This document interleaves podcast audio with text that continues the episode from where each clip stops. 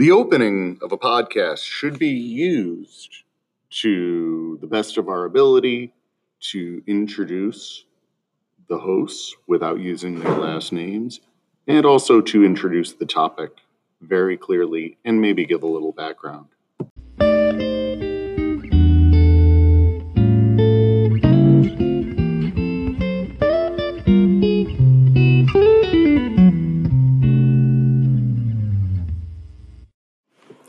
Mr. Groner, what are your favorite podcasts? Teach me about them, please.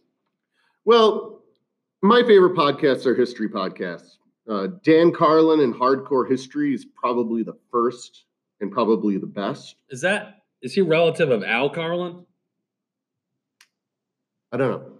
But in addition to that, there's the History of Rome podcast, The Rise of the Modern World. Those are very good. But also, sometimes I like a good fiction podcast. There's a podcast called The Truth that deals with science fiction topics.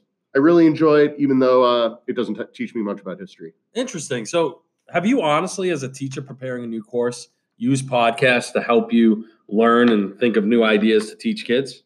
Actually, you're darn right. Over the summer, I had to uh, refresh my memory about a lot of things having to do with ancient Egypt, ancient Greece, Mesopotamia. And I was able to do that while getting in a few good runs and doing yard work.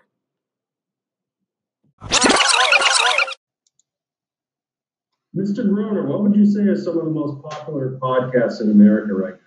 Well, I, I think if you go to the iTunes uh, store, you'll see, for example, that the Joe Rogan Experience um, and a bunch of true crime podcasts are the most popular podcasts right now.